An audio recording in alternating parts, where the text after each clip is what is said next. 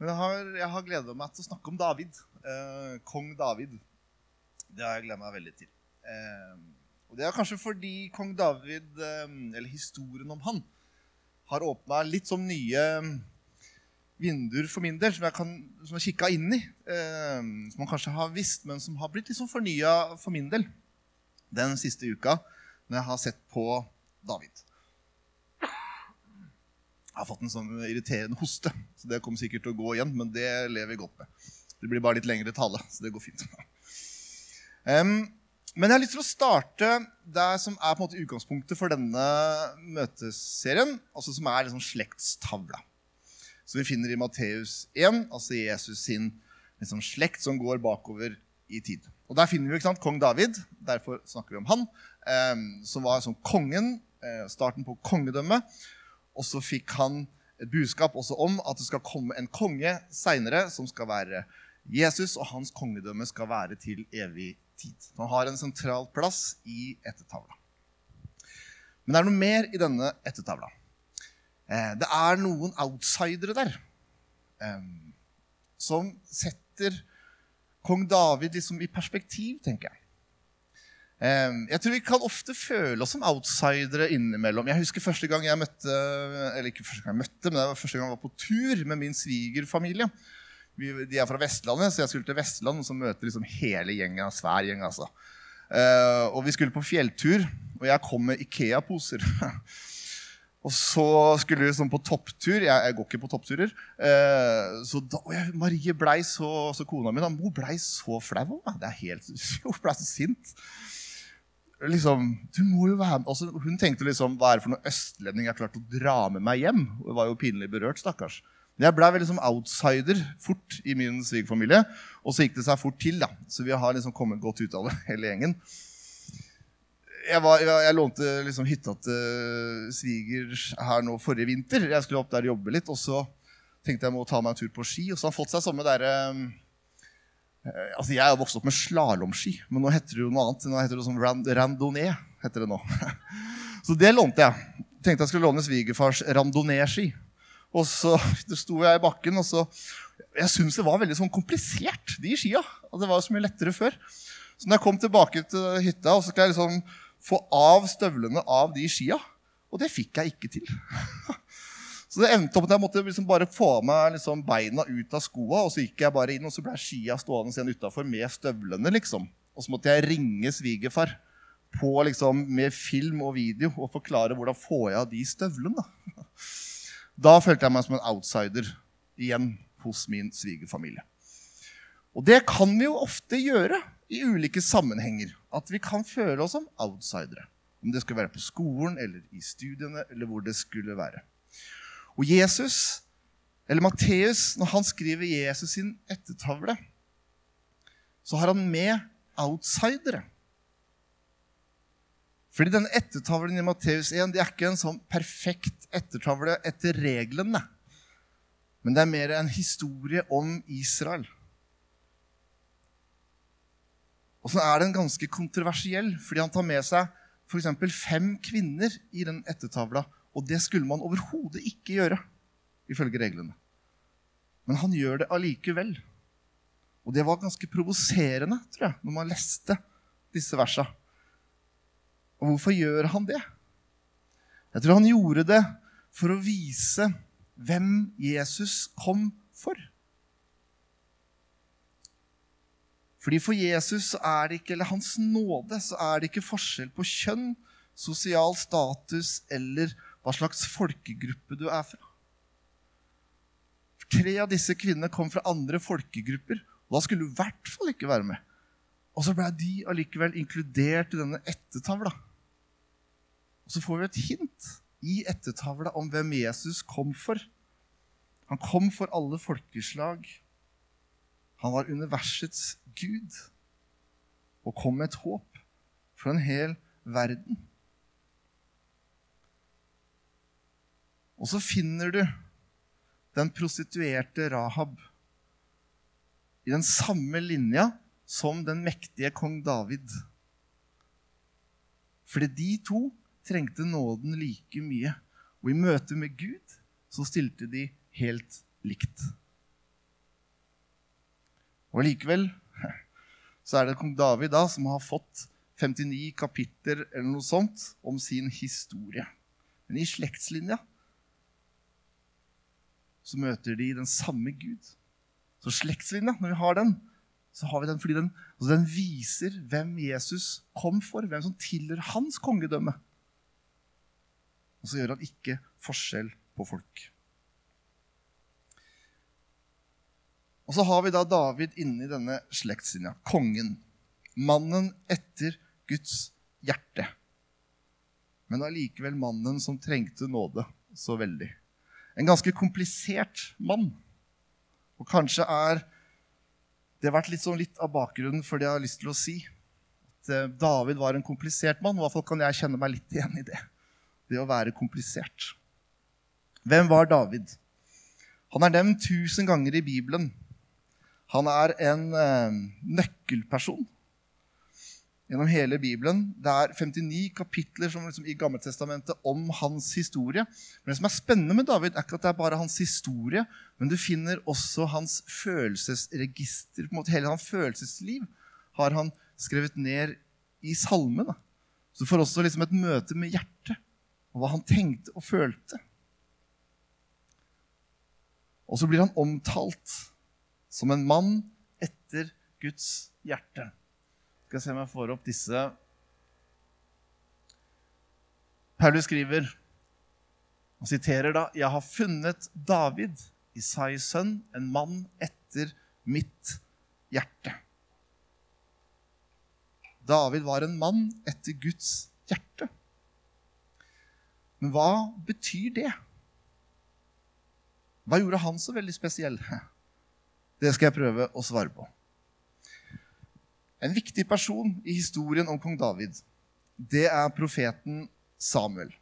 Han hadde, salva, han hadde salva Saul til konge først.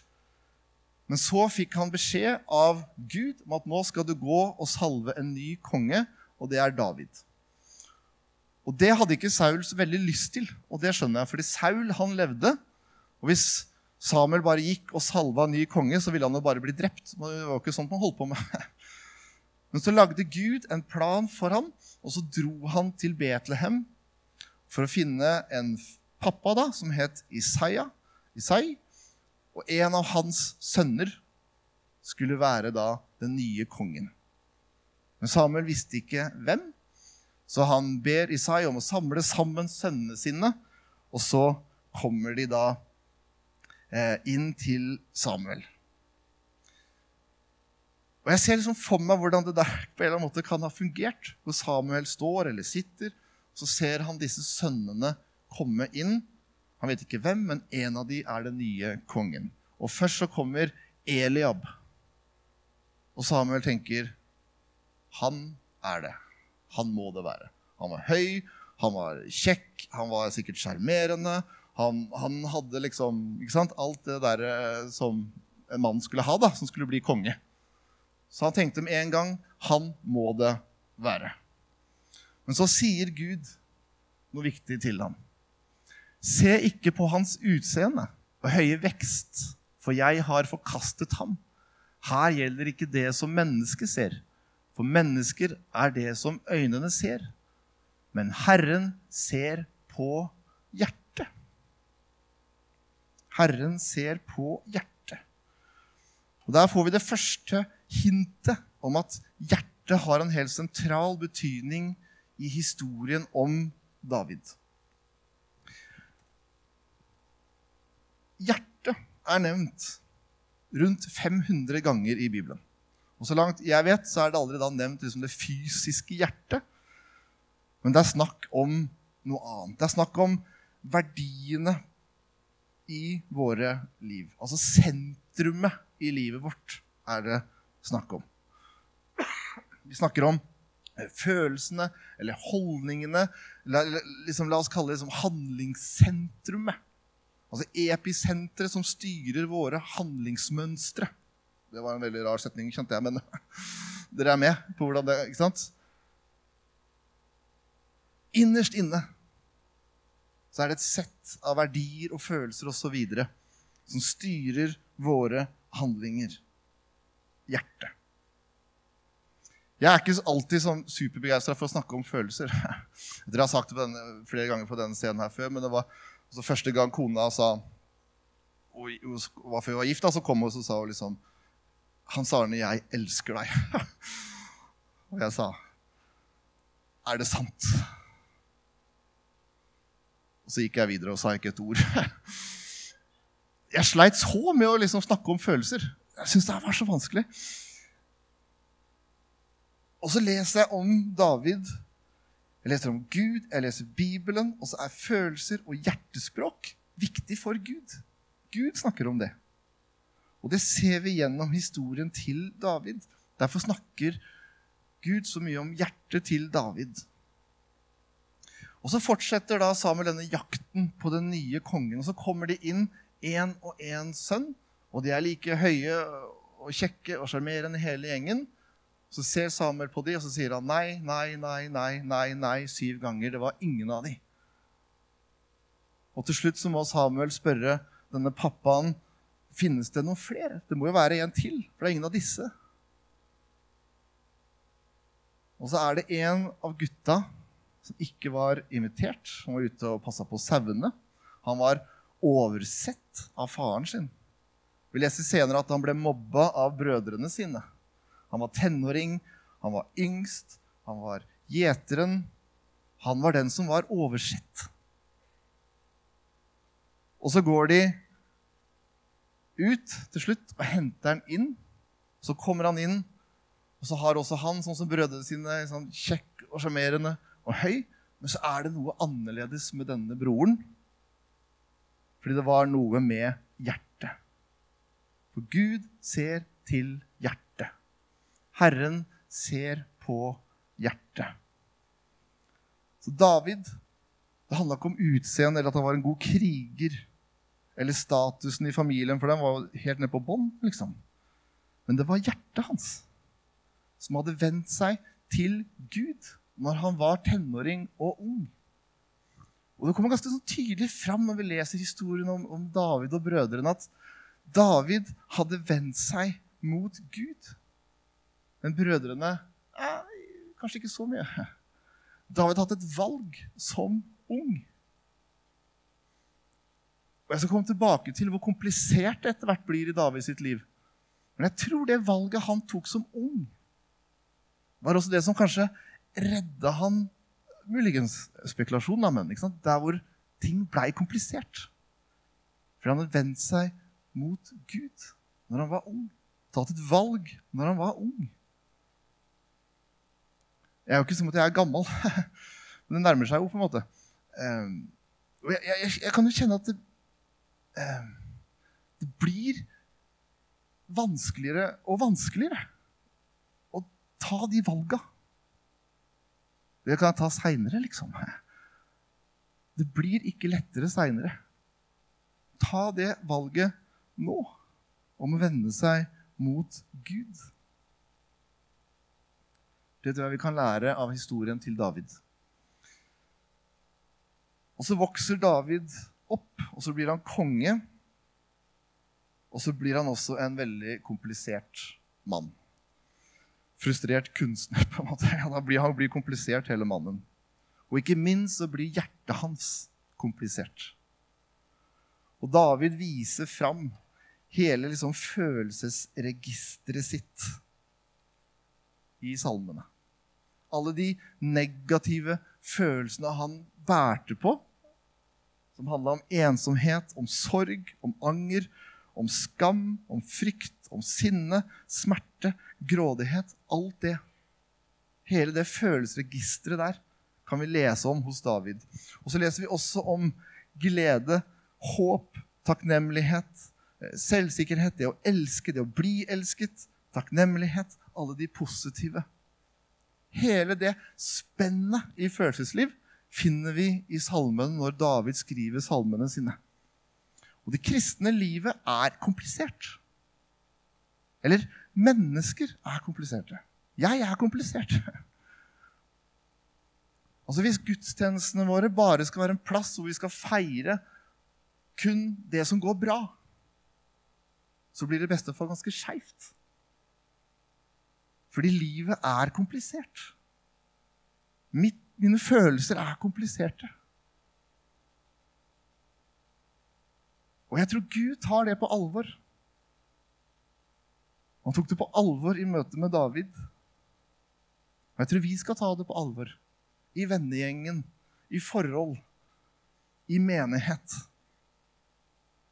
At følelsene spenner ganske bredt.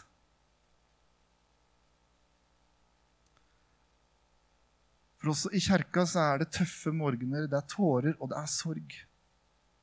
Og kirken skal også være der da. Når livet er tøffe morgener og tårer. Og hjertene våre er komplekse. Og Davids hjerte var komplekst også fordi handlingene hans var ganske kompliserte etter hvert. Og han jeg synes Det er ganske fascinerende når han skriver i salmene. Så får vi på mange måter gjenfortalt hans tanker rundt det som skjedde i livet hans. Han kunne i Salme 17 for eksempel, skrive liksom tidlig i salmene Prøv mitt hjerte, gransk det om natten, prøv meg med ild. Du finner ikke noe skammelig hos meg. Min munn synder ikke. Det er ikke en bønn jeg ber, altså. Det må jeg si. Da var han ganske øh, høyt der oppe. Men så fortsetter han i Salme 19. Hvem kjenner sine egne feiltrinn? Frikjenn meg for dem jeg ikke vet om. Og Så begynner vi å lese at David erfarte mer og mer at livet var komplisert. Og så kan vi hoppe til Salme 51, som jeg har tatt utgangspunkt i for denne talen. Gud, skap i meg et rent hjerte, gi meg en ny og stødig ånd. Da er han kommet helt den veien hvor han må ned på kne og bekjenne alt og starte på nytt. Fordi livet gikk i dass for David.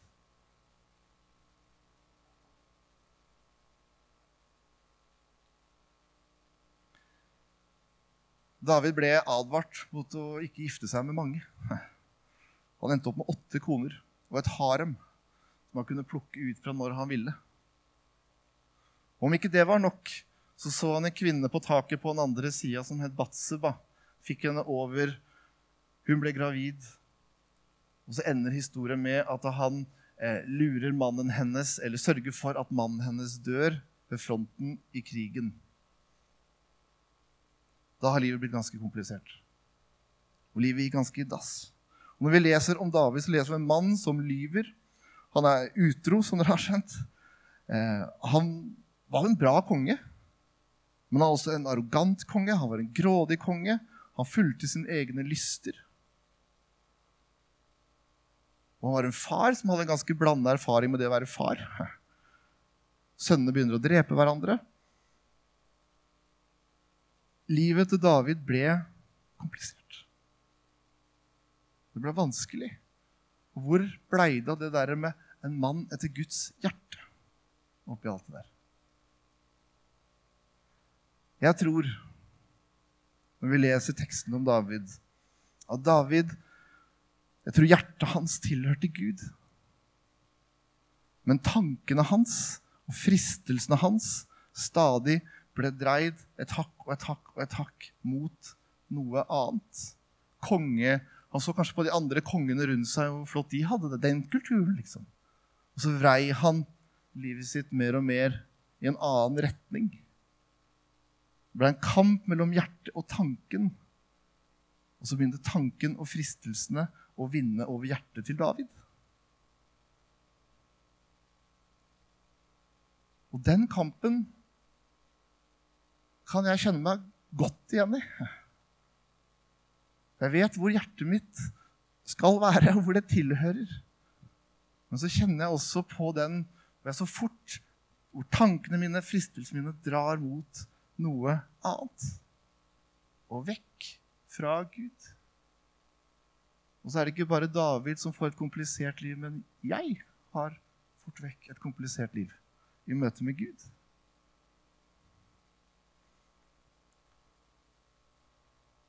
Men David viser oss hva et menneske er. Hvor utfordrende det kan være. Så hvorfor har da David et hjerte? Etter Guds hjerte. Jeg tror alt handler om det vi bl.a. finner i Salme 51. Det er den salmen han skriver etter at eh, han har vært utro med Batseba, og hun har blitt gravid, og den historien der. Så setter David seg ned så skriver han denne salmen. Så skriver han vers 3. Vær meg nådig, Gud, i din kjærlighet. Stryk ut mitt lovbrudd i din store barmhjertighet. Vask meg ren for skyld, og rens meg for min skyld. For mine lovbrudd kjenner jeg. Min synd står alltid for meg. Og så er det en mann som ikke skjuler noe overfor Gud, men bekjenner overfor Gud. Han begynner ikke å unnskylde eller bortforklare eller skylde på andre. Han skylder ikke på Batseba. Ja, han tar det på seg. Så sier han disse ordene, og så slutter han med vers 12. Gud skaper meg et rent hjerte. Og så ber han om nåde, og så tar David en hjerteoperasjon. Fordi han trengte å vende seg mot Gud igjen. Det tror jeg handler Derfor var han en mann etter Guds hjerte. Denne salmen, salme 51. For han visste at alt som bærer i livet hans, det er Gud. Og det er nåden, og det er tilgivelsen. Derfor handler egentlig historien om David, historien om at han var en mann etter Guds hjerte, det handler om Guds hjerte. Det handler om Guds hjerte. Fordi i Guds hjerte så var det alltid plass til David. Samme mye han rota seg borti, så var det plass til David i hans hjerte. Gud glemte aldri David, slik han aldri glemmer oss. Og jeg har prøvd denne uka og tenkt liksom, hvordan, hvordan kan vi liksom forklare det enorme kjærligheten Gud har til oss? Og hvor stor plass vi har i hans hjerte? Jeg tror det er umulig. Nærmest jeg kom, var kanskje jeg å tenke på når, når Anton ble født. da. Han, jeg hadde egentlig ikke så veldig Jeg la inn sånn forbud det første året vi var gift med å snakke om at vi skulle få barn. Det var jeg ikke så interessert i. Men så gradvis da, så ble jeg jo mer og mer interessert i det, og så, og så, fikk vi barn. Og en dag så skulle vi da på sykehuset, og Anton skulle bli født. Og så ble den fødselen veldig sånn komplisert fødsel, lang fødsel. Og så ender det opp med at vi må ta keisersnitt, og Anton kommer ut da ved et keisersnitt. Uh, uten som med dramatikken som så, og alt gikk bra.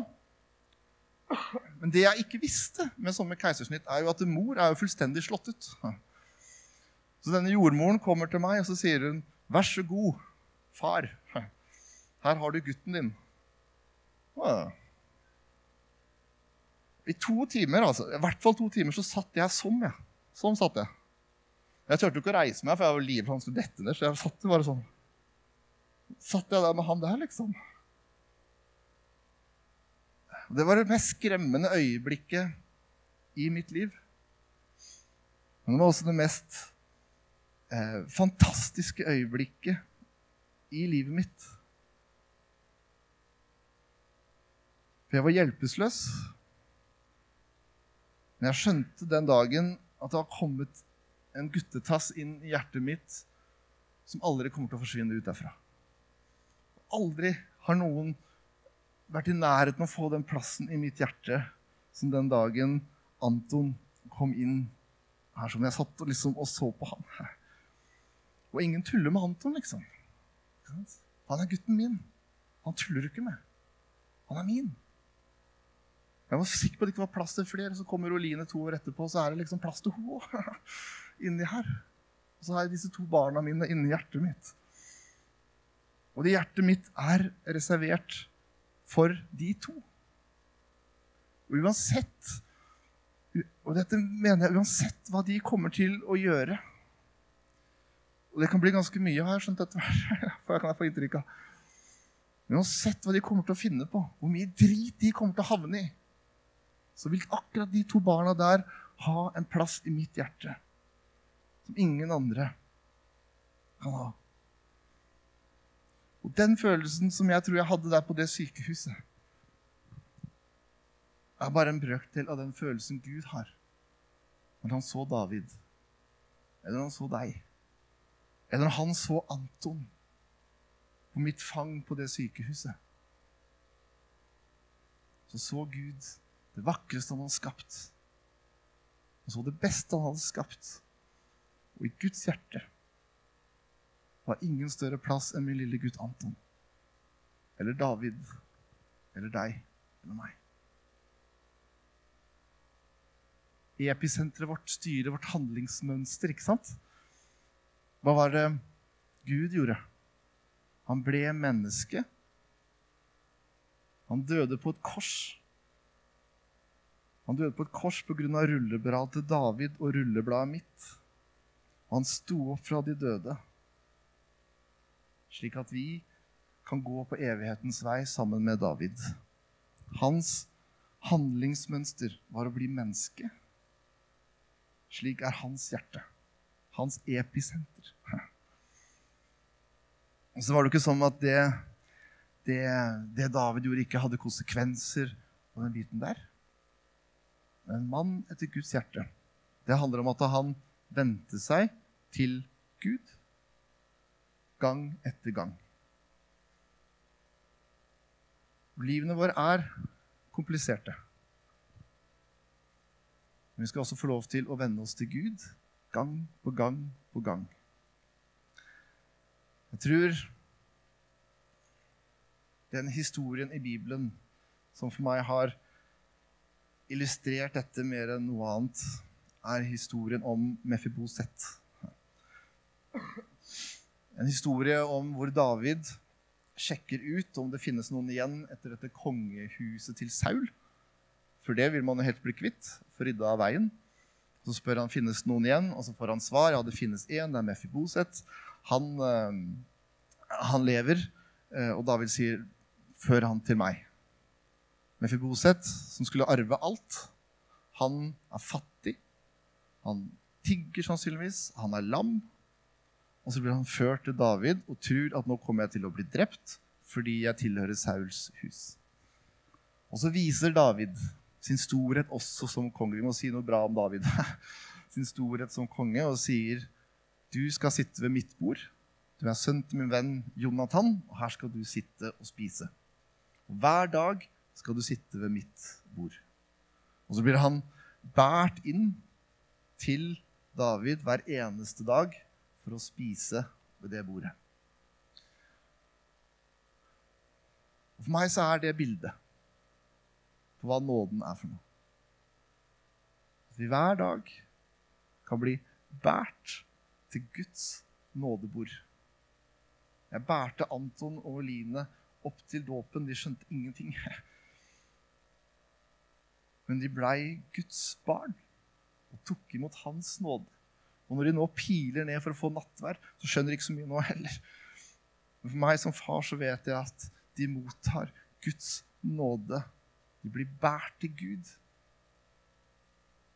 Men det er ikke noen forskjell på de to små tastene der på to og fire enn på meg. For jeg trenger den nåden like mye som de. Jeg trenger å bli båret til nattverdsbordet like mye fordi mitt liv er komplisert. Men så er det en Gud som snakker inn i det kompliserte og sier til deg du er velkommen på mitt fang. Fordi i mitt hjerte så er det plass til deg.